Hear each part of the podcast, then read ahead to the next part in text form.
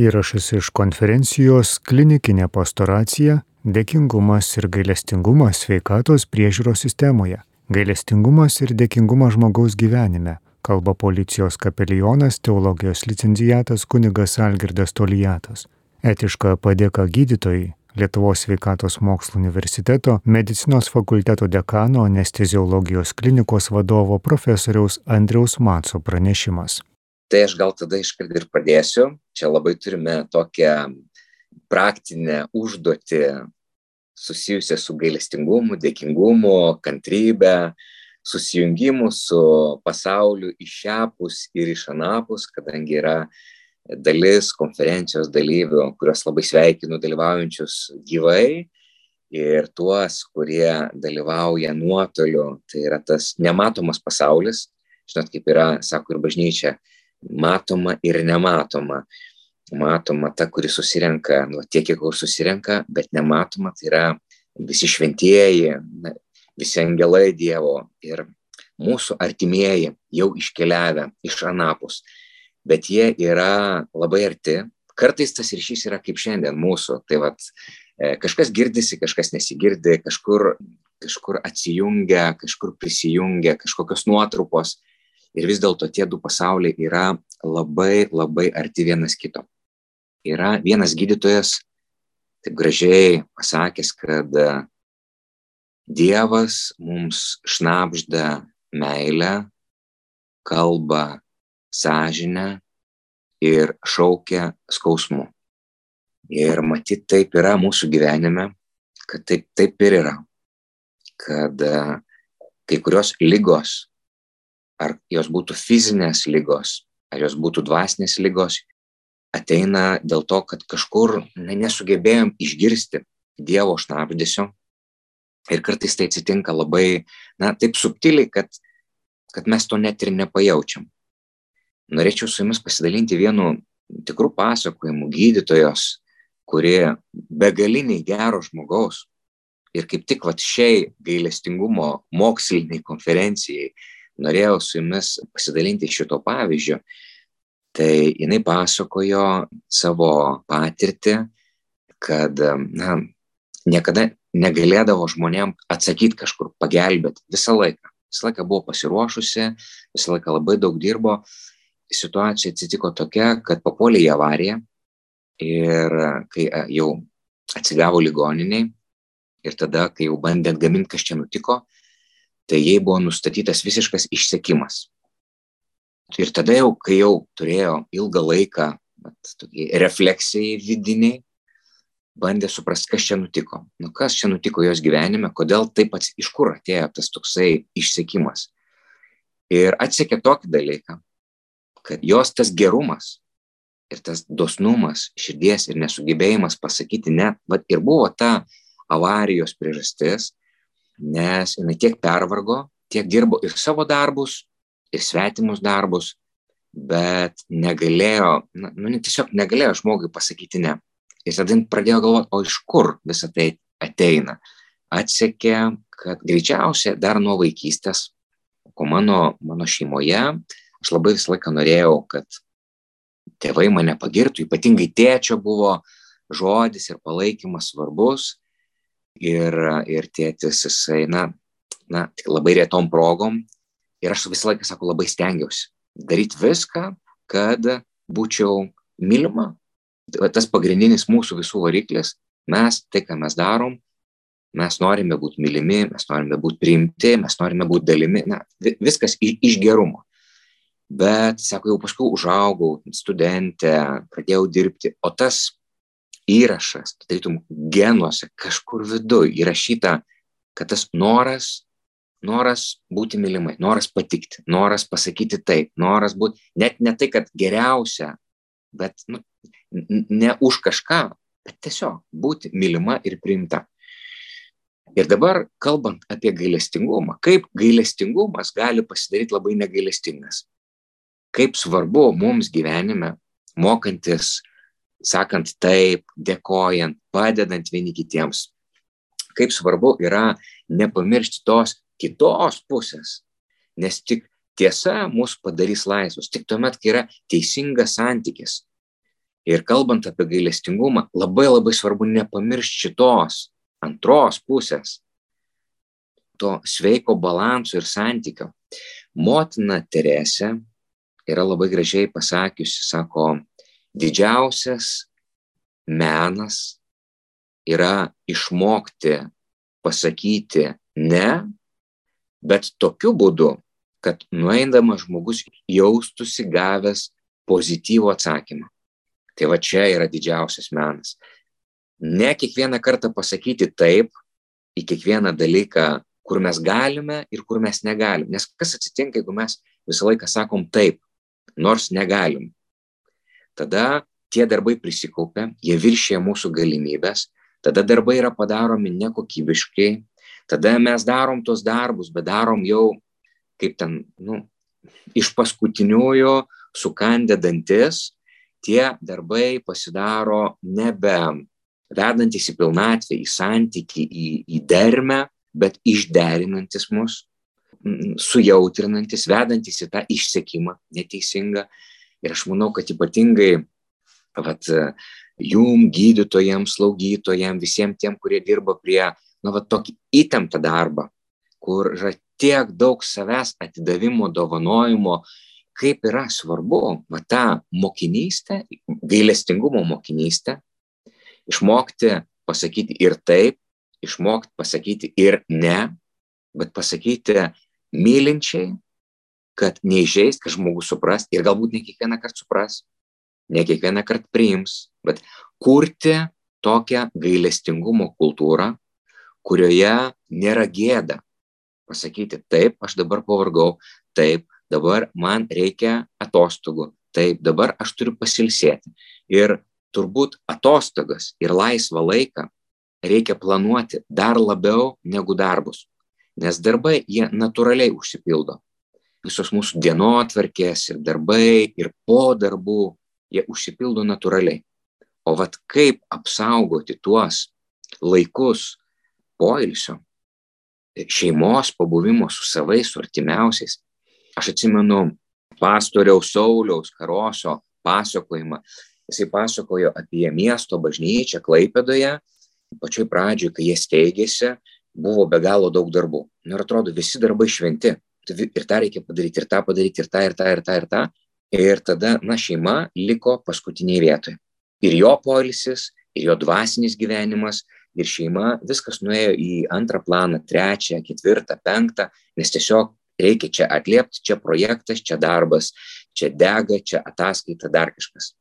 Ko pasiekoje bėgant laikui atsirado nu, atšalimas, čia jo liudėjimas. Sako, mes priejom prie skirybų slengščio su žmona.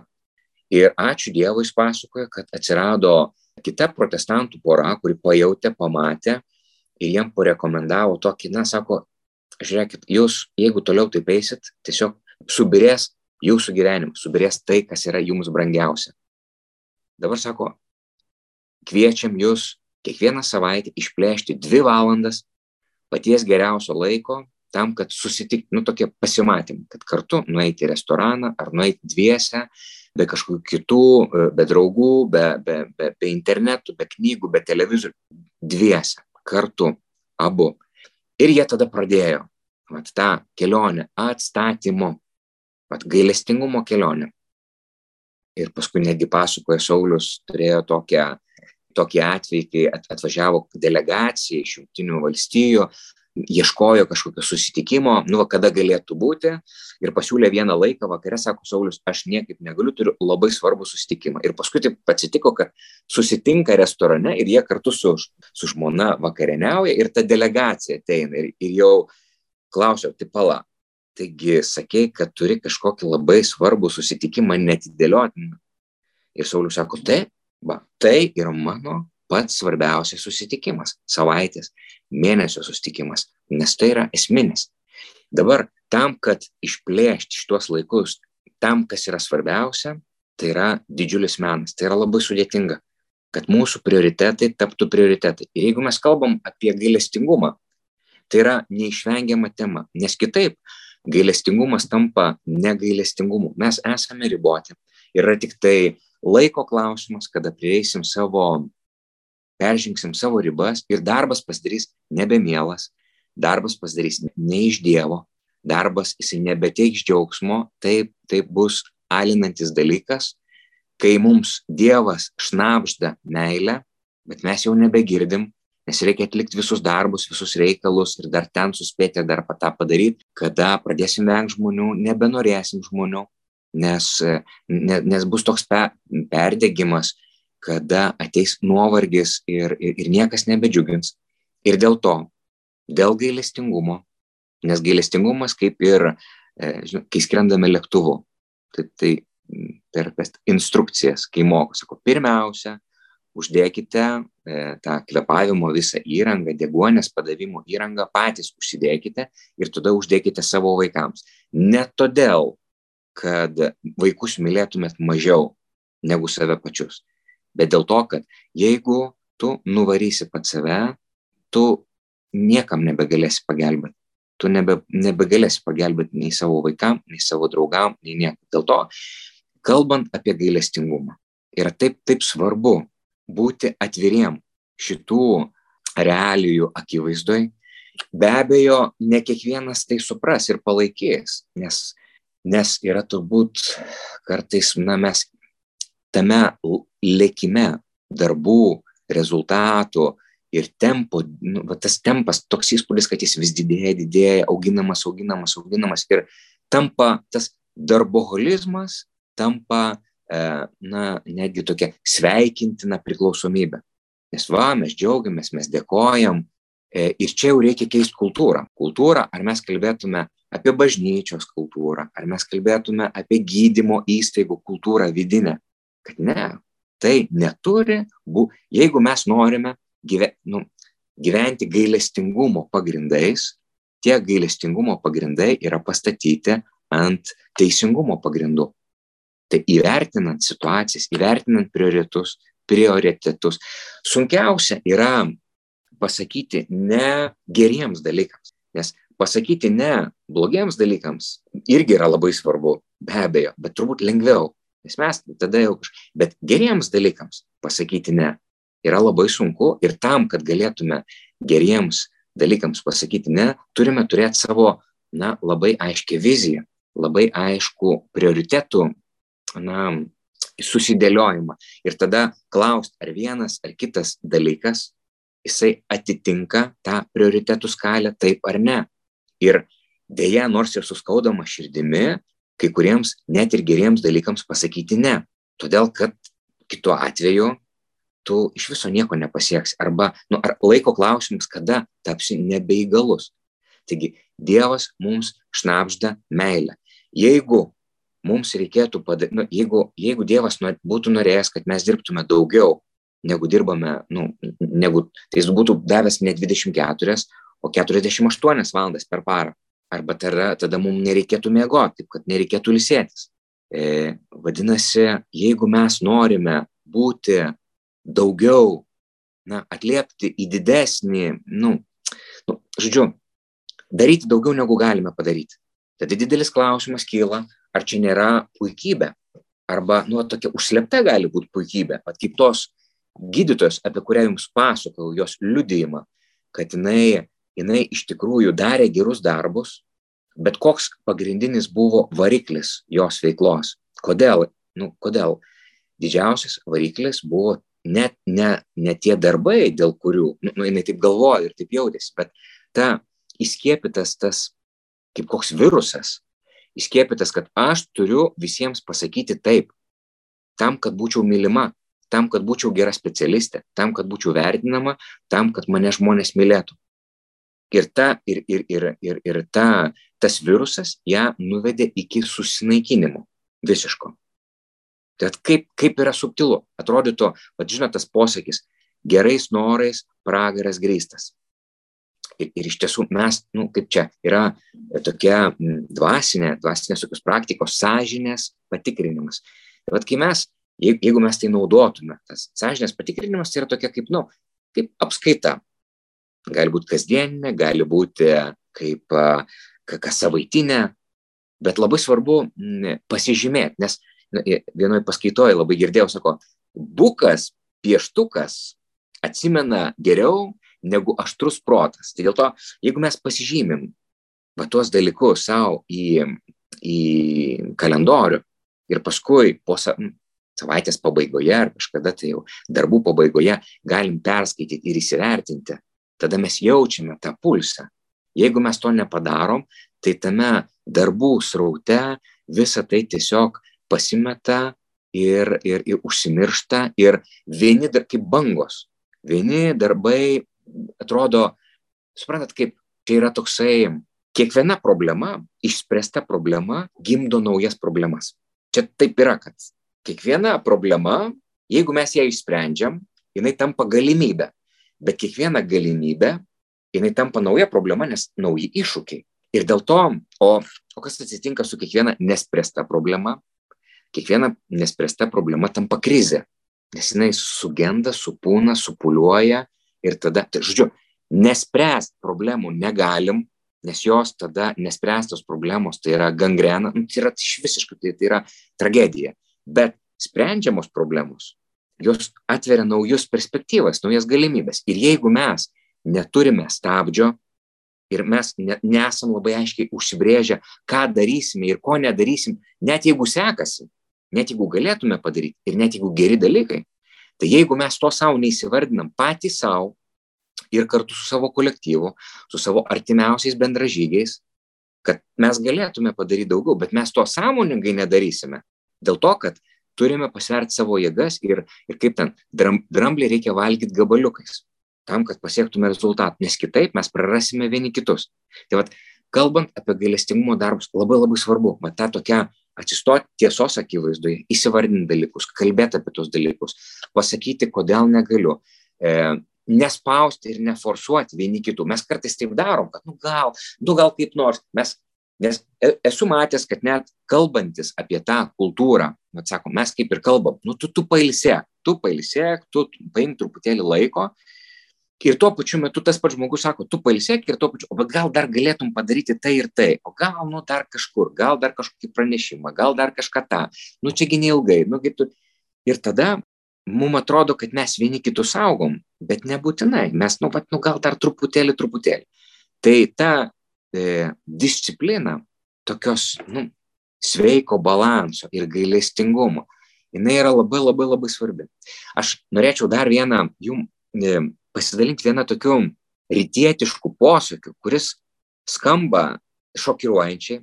Aš pirmą kartą, kai išgirdau, jis man nuskambėjo nu, baisiai, bet už tų žodžių yra, yra žinia. Tai va, reikia ne, ne, neskubėti to iškart interpretuoti, bet įsiklausyti, ką tas posakis savyje turi.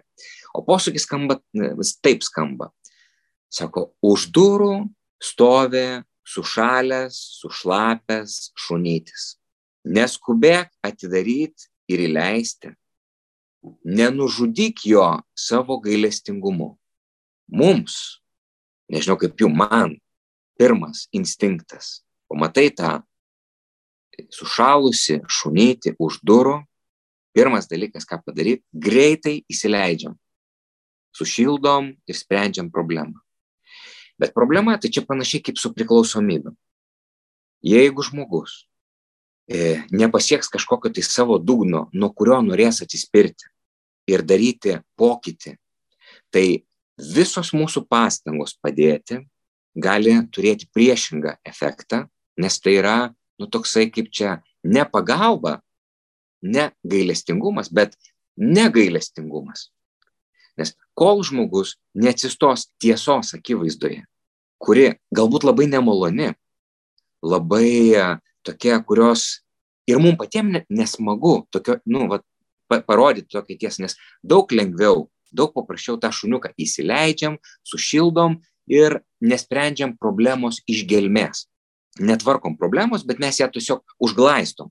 Čia panašiai kaip negydyti kažkokios tai bėdos, bet uh, numušti simptomus. Nu, tai numušam tą kraščiavimą ir kaip ir išspręsti. Vat paėmėm kažkokius tai tokius vaistus, bet negydom šaltinio, o iš kur atėjo.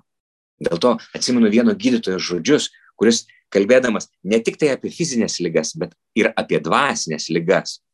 Sako, neskubėkite išgydyti lygos, nesupratę, iš kur jinai atėjo, kodėl jinai atsirado.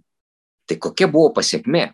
Vat ga, gal čia, vat vėlgi, grįžtam prie tos gydytojos atveju. Taip mes galim ją greitų būdų, e, vitaminai, lašelinės, greitai, greitai, greitai, greitai atstatėm ant ko ir vėl paleidžiam. Bet programa, tai jos, jinai išlikusi, galvoja, tai yra likus, aš turiu būti pati geriausia. Ne vėl tą patį darys kol nusistekens. Iki sekančio karto. Tai jeigu mes neįsprendžiam tų gelminių, dvasinių dalykų, jeigu mes nepabuvom su savo lyga ir nepaklausiam, o kodėl taip yra? Jeigu mes, pavyzdžiui, turime tokią problemą, kad niekur nieko nespėjam, ve, kodėl? Bet kas čia, kas čia per lyga? Ką šita lyga man sako mano gyvenime? Kas yra ne taip? Ką turiu pakeisti? Ką turiu padaryti kitaip? Ir tai yra gailestingumas. Gailestingumas tai yra atsistoti tiesos akivaizdoje. Pirmiausia, pats prieš pats su savimi, bet kartu ir tokią santykių turėti ir su kitais žmonėmis, su savo kolegom. Bet matomai gyvenime taip ir yra. Kai kuriuos dalykus reikia daryti taip, liktais, liktais, net kai tavęs niekas nemato, visada esam ryšyje. Tai ačiū Jums.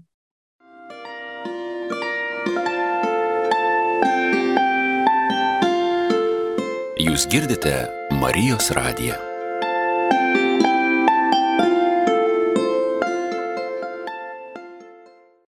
Galvoju greitai pasidalinti šiek tiek kitų pjūvių, bet bus labai dėlių panašumų. Ne veltui sakiau, kad Algirdas yra policijos kapelionas ir aš tikrai tuo labai džiaugiuosi. Bandysiu pristatyti savo pranešimą, bus šiek tiek sąsajų, jeigu dar minutę mes galėsime būti visi kartu. Leiskite pristatyti. Kas yra etiška padėka gydytojai? Labai jautri situacija arba sveikatos specialistui, slaugytojai, pavyzdžiui. Ar etiška yra dėkoti? Žinot, e, krikščioniškai bendruomeniai irgi norisi labai padėkoti. Ir kiek kartais nutinka, sodo kokia kaiminė arba kažkas, visi nori labai atsidėkoti. Ir su tuo atsidėkojimu nutinka tokių, tarp kitko, labai rimtų dalykų. Tai, ką Algirdas palėtė, pradedant diskutuoti apie padėką, kuri jau balansuoja arba ant tam tikro rizikos specialistui, taip pat ir tam, kuris nori dovanoti, bet rizikuoja e, ir balansuoja dar prie daug sunkesnių dalykų. Pavyzdžiui, padėka, kuri nuperka gydytoją, kuri jį pareigoja tarnauti pacientui. Labai nedidelė padėka, bet jau pacientas pageidauja, kadangi jis yra atsiskaitęs. Ir mes e, anksčiau tą jausdavom, anksčiau buvom kitaip mokinami. Ir duos, e, pateiksiu savo pavyzdį prieš 25 metus aš buvau ketvirto kurso studentas ir pirmą kartą endokrinologijos klinikoje mes turėdavom savo palatas studentai kuruodavom ir aš kaip šiandien atsimenu man pacientė iš kaimuko pasiūlo 20 litų. Mane elektrą nutvildo. Tikrai, tikrai toks, nu, patirtis nei, nei iš maloniausių. Nežinau, ką daryti, kur bėgti. Iš studijų išmes, kad aš kyšininkas. Tai buvo visiškai sveika jauno vaikino reakcija tą situaciją įsprendė. Bet, po, bet visą laiką buvo įprasta, kad nu, galbūt čia nereikia laužytis, nereikia užgauti paciento, reikia sudaryti jam sąlygas. Ir, ir, ir pamatysite, daug yra negerų dalykų, kai mes taip galvojame. Kaip atsidėkoti yra, bet šiek tiek kitaip. Ir apie tai norėčiau kalbėti. Kartais verta pasiklausyti kitų. Čia yra Alanas Jablonskas, jisai dabar yra teisingumo, e, jeigu nekeistu, teisingumo ministerijos ar vidaus reikalų ministerijos viceministras. Alanas e, į mūsų ligonį, į Lietuvos sveikatos universitetą, mokslo universitetą įskriejo e, su tuo metu būdamas imuniteto vadovas ir tikrai labai šaunus vyras iš plungės. Tai yra žmogus, kuris dabar gyvena Vilniuje, kurį laiką gyveno Kaune, Marijampolėje vadovavo policijos komisariatam ir jie 2011 metais pradeda pokytį policijai. Policija visada susiduria su visuomenės požiūriu, kokia jinai yra. O aš galiu pasakyti tik tai labai gerai. Nors anksčiau prisidėdavau prie tų šnekorių, kurie sakydavo, nu, žinai, policija ir taip toliau. Tai Elonas pradėjo mus mokinti, gydytojus, kad kyšis yra visada blogai, O padėka, kuri vadinama padėka, nebūtinai yra padėka, o tai gali būti teroras prieš gydytoją, prieš slaugytoją, tai yra pri, išprievartavimas to pačio sveikatos darbuotojo, kadangi daktarė aš su jumis esu atsiskaitęs, viskas čia nieko nepadarysi, sukis kaip nori.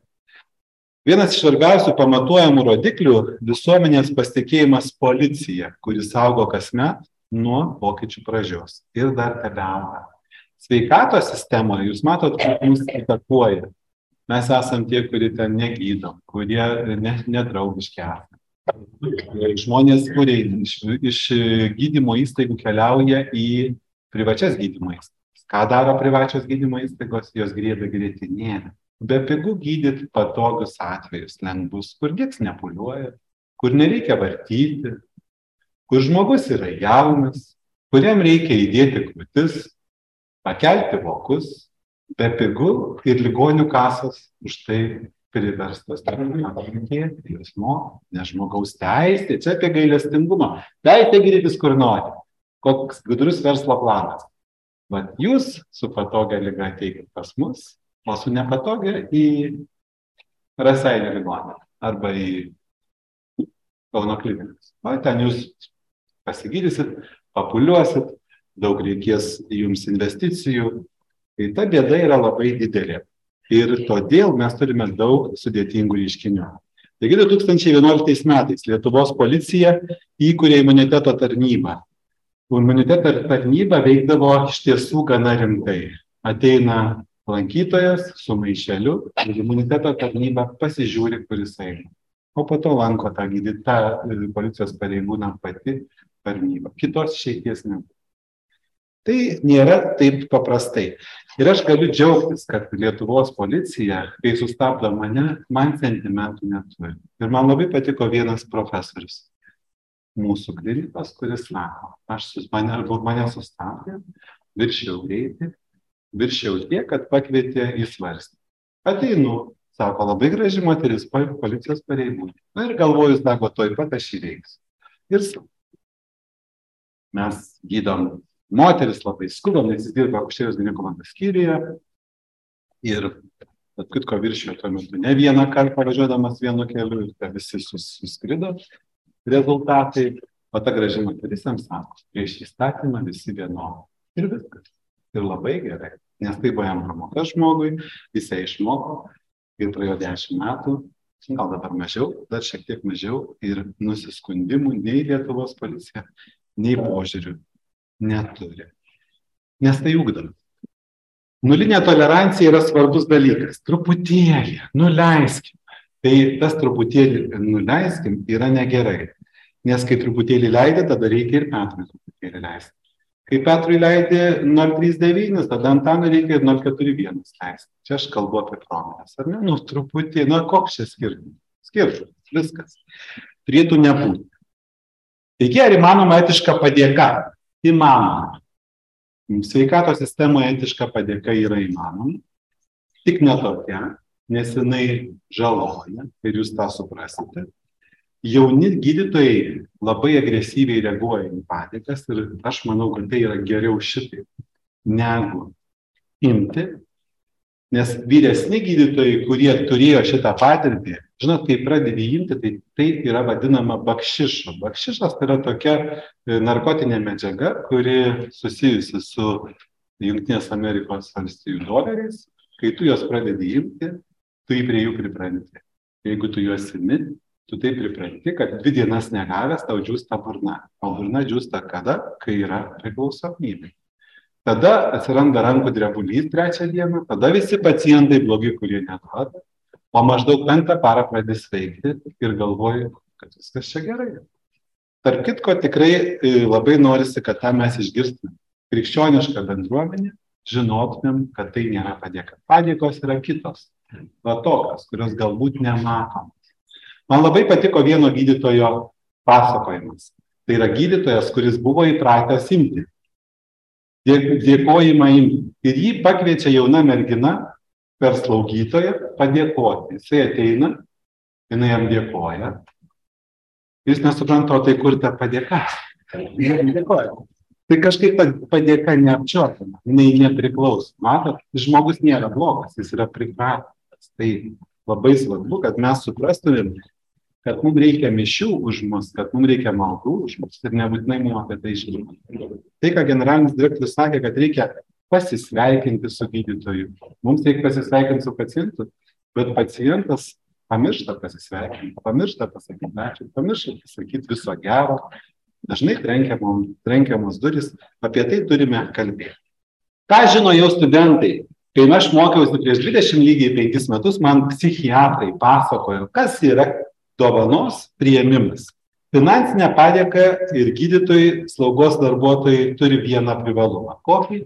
Materialinį, medžiaginį ir daug trūkumų. Ta buvo sakę visada. Argumentai, kodėl gydytojai ir sveikatos darbuotojai naudinga to išvengti, yra daug. Kodėl naudinga išvengti? Ligonio matymas, aš jau sakiau, aš jau atsiskaičiau, dabar gydytojas, slaugytojas darbas atlikti darbą. Neobjektyvumas, tu tampi neobjektyvus. Tu gavai ačiū, tai vadindavo ačiū ir tu nori iš karto atidirbti už tai. Aš turiu patirties tokios, kai gydytojas gavęs ačiū padaro klaidas nebūtų gavęs ačiū, nebūtų padaręs klaidų. Paskuba. Nori atidirbti, reikia atidirbti čia ir dabar. Esu matęs, kaip jauna moteris investuoja į tris gydytojus konsiliumo tvarka, kad nupirktų savo palankų sprendimą ir žūsti. Ir ne viena. Ir metų jiems abiems buvo po 32. Labai senai. Aš dar buvau mokinys ir mačiau, kaip vyksta. Žūtis, kurios yra dėl ačiū.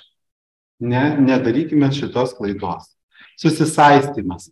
Tave paralyžiuoja pacientas. Jisai sako, žiūrėkit, aš jums vėl skambinu. Bet kada? Nakties metu, vakare. Čia Antanas. Labas Antanai. Bet iš pradžių tu galvoji, kodėl Antanas skambina? Kodėl?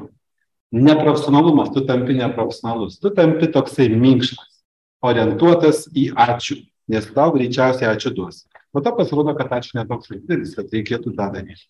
Teisinė rizika mums atima licenciją. Mūsų priimti 50 eurų tai yra licencijos kaina. Daktaras gali važiuoti, žinot, kad dirbti boltą vairuoti. Jokių šansų grįžti kurį laiką į normalų gyvenimą. Prisiminkite Lietuvoje įvykusį įvykį, labai tokį rezonansinį apie vienos ligoninės direktorių. Kaip žmogus neteko licencijos, būdamas ypatingos vertės. Klausimas, politiniai dalykai, nepolitiniai, bet va tik to užtenka. Ar galėtumėt pasiūsti daktarą ir atimti jam licenciją arba slaugytojai? Tikrai ne. Kolegų vertinimas. Kolegos labai blogai vertina sistemiškai kišininkaujančius gydytojus ir slaugytojus. Jie mato, šitas įvykis. Žinom, kad yra vadovai, kurie anksčiau tokie buvo, kurie būdavo taip korumpuoti. Žinot, tos istorijos, kad sako, reikia paimti kraują iš piršto. Ir dar rodydavo kitą iš venos, bet aš jau šitą nedrįstu jums parodyti tai čia būdavo paciento atsakymas. Tai tikrai būdavo negerai. Ką verta žinoti ligonį? Klausimai apie atsidėkojimą labai neramina patį ligonį. Jisai nervinis. Padėka nekeičia gydytojo žinių ir gebėjimų. Nekeičia. Taip pat. Padėka gali susaistyti gydytoją, padaryti jį neobjektyvų. Dažniausiai taip ir yra. Teikiama medžiaginė dovana nebūtinai reikalinga, gal net vargina. Pavyzdžiui, saldainiai, saldainiai, saldainiai, šnapsas, geras brendis, geras brendis, geras brendis, net stipriausia prasigeria, nepamirškite. Tu jo aš tik vieną kartą daviau, o dar tą dieną kokie keturi norėjo duoti.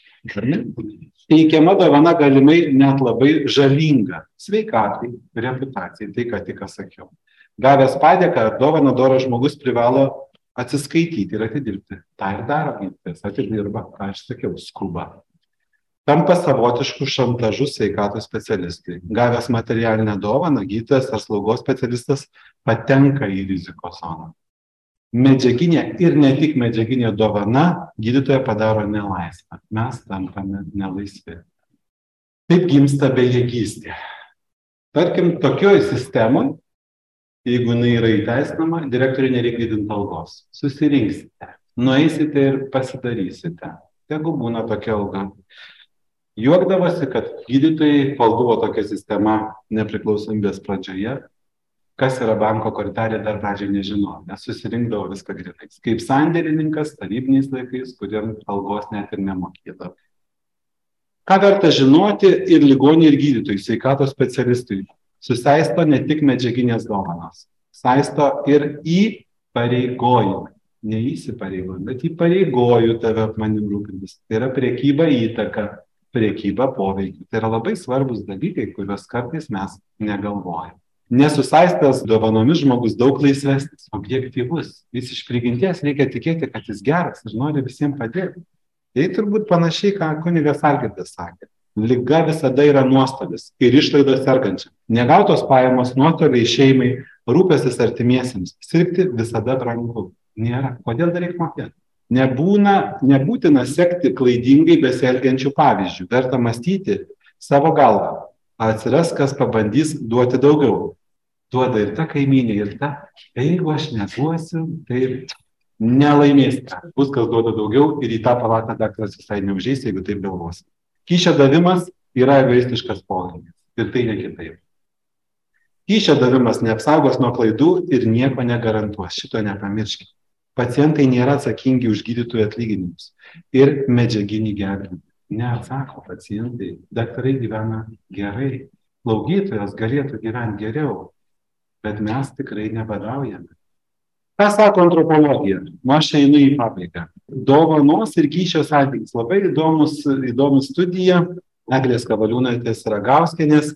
Galima ją diskutuoti, bet man paliko keletą minčių įdomių. Toje studijoje analizuojami argumentai paaiškintantis neformalių mainų prieštaraujančių teisės normoms prigijimą visuomenį. Analizuojami ir smulkus dalykai. Atkreipkite dėmesį, kad kai žmonės pameta ribą, kur yra korupcija, kur ne korupcija, kur dovana, kur ne.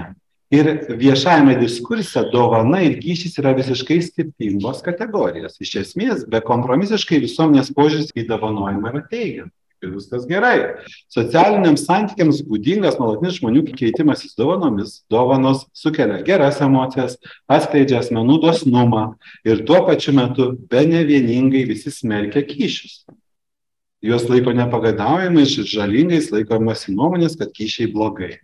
Ir čia atsiranda labai subtilių dalykų, mes šiandien juos nesileisime ir nereikia galvoti, kad yra blogai dovanoti, bet yra niuansų, turime labai pagalvoti, ką dovanoti, kad nepadaryti žalos. Labai e, skirtingai ir žmonės suvokia. Pavyzdžiui, atsakymai į klausimus būna skirtingai. Paprastai mažesnėse bendruomenėse regionuose gyventi žmonės neformalius santykius linkia laikyti elementarių žmogiškumų. O didesnių miestų gyventojai tokio elgesio teigia netoleruojantis. Matot, mes net skirtingai gyvename tarp regiono ir, ir didelių miestų. Tai e, tada dažniausiai nukrypsta pokalbis į tai, kad egzistuoja tam tikros ribos, kur yra kišininkavimas ir nešižininga veikla ir kur yra elementarus žmogiškumas. Tačiau tai manyti labai svarbu, kad tos ribos suvokiamos žmonės, kodėl mes nesusišnekame. Kodėl, kad pradam daryti išlygas ir nebesusišnekame. Pasaulyje nėra atlikta daug tyrimų apie kyšio ir dovanos sąsajas, bet yra tų tyrimų, kur bando atskirti, kas yra kyšis, kas yra dovana. Ir tikrai yra labai svarbus dalykai. Dovana, kuri turbūt idealiausia yra tai, apie padovanojimą tu niekam neskelbi. Jie patys žiūri, bet tą padarai veiksmą.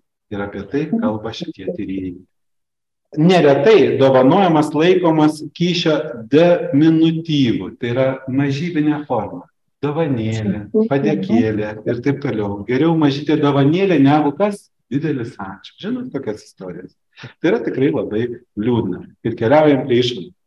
Antropologų teigimu tiek dovanojimas, tiek ir jo susijęs teisiškai apibrėžimas kišininkavimas ar papirkimas yra tos pačios formos neformalių mainų kilmės neformalūs mainai turėjo ir tebeturi svarbą reikšmę visuomeniai. Jie susijęs su dalyvių abipusiškumu, atsilygintinumu, ryšių visuomenėje užmėsgimu ir palaikymu, asmens statuso visuomenėje užėmimu ir palaikymu. Tai yra teigiama socialinė funkcija, kurią stipriai suvaržus gali pasireikšti neįgiamos pasiekmės tiek visuomeniai, tiek bendruomenėms. Gali atrasti praradimai tai tie tokie žiaurūs ribojimai, ką kartais mes matom, kodėl tą licenciją turėtų būti toks geras. Turime ir patys nepadaryti bėdos specialistui. ir lygiai taip pat galvoti, kad žmogus, kad mes skirtingai viską suprantame ir taip negali būti. Neformalių santykių teisėtumo ir neteisėtumo riba yra sunkiai paaiškinti. Išys užmesgamas ir palaikomas tradicinėmis dovanomis švenčių proga. Pavaišinimu kavos podeliu, turint laisvą minutę, pavaišinimu savo keptų piragų arba obeliais iš sodo pasveikinimu, rodo rankos paspaudimu. Visą tai visuomenėje priimtina kaip neformalūs mainai. Formų yra. Vėlgi, yra įvairių kitų liūdėsių, bet nedaugiausia matomas teisės ir visuomenės gyvenimo skirtumas matyti, kalbant apie dovanos sampratą. Teisėje dovanojimas įtvirtinas kaip neatlyginantinas sandoris, kur tu nieko nespaudai, neatlygintinas, jokio įpareigojimo. O visuomenė dovana iš esmės susijusi su abipusiškumu ir mainais. Tada prasideda mainai. Aš tau, tu man. Dovanodamas asmuo tikisi, kad kada nors ir kitas asmuo jam atsilygins. Suprantat, tą nors padovanos bus prielankesnis ir panašiai. Dovanojimas susijęs su veiksmais ne dėl kitų, bet dėl savęs. Apdovanotas jis jaučiasi nejaukiai, jei niekaip kitaip neatsilygina už dovaną. O tas gydytojas gavo 50 ir jau viskas. Ar ne? Yra blogai. Net ir altruistiniai, filantropiniai veiksmai yra abipusiai. Abipusiai. Filantropas nori kas? kad būtų kortelė prisukta prie auditorijos, kažkur galbūt prie bažnyčios. Jisai nori to, suprantama, čia gali būti, bet sveikatos sistemoje jau tampa kitaip. Socialinių ir teisinių taisyklių konflikte nugalėtojų nėra.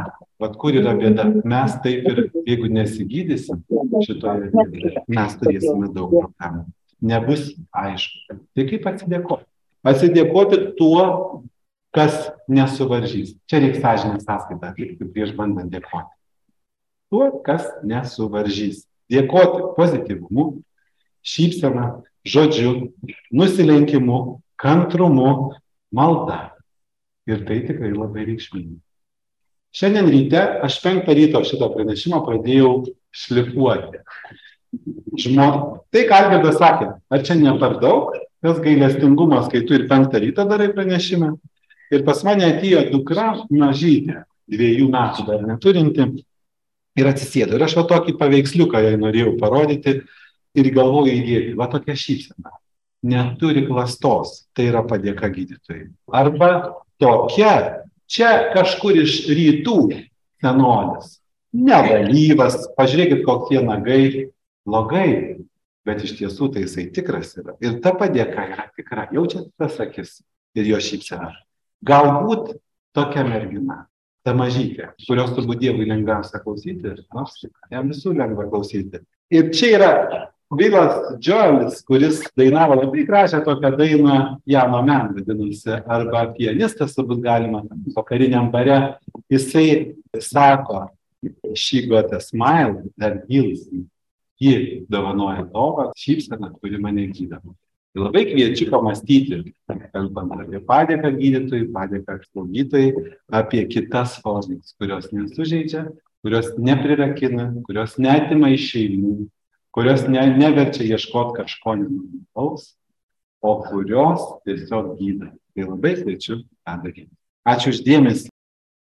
Girdėjote įrašus iš konferencijos klinikinė pastoracija, dėkingumas ir gailestingumas sveikatos priežiūros sistemoje policijos kapeliono teologijos licencijato kunigo Algirdo Tolijato pranešimą gailestingumas ir dėkingumas žmogaus gyvenime ir pranešimą etiška padėka gydytojai. Lektorius Lietuvos sveikatos mokslo universiteto medicinos fakulteto dekanas anesteziologijos klinikos vadovas profesorius Andrius Macas.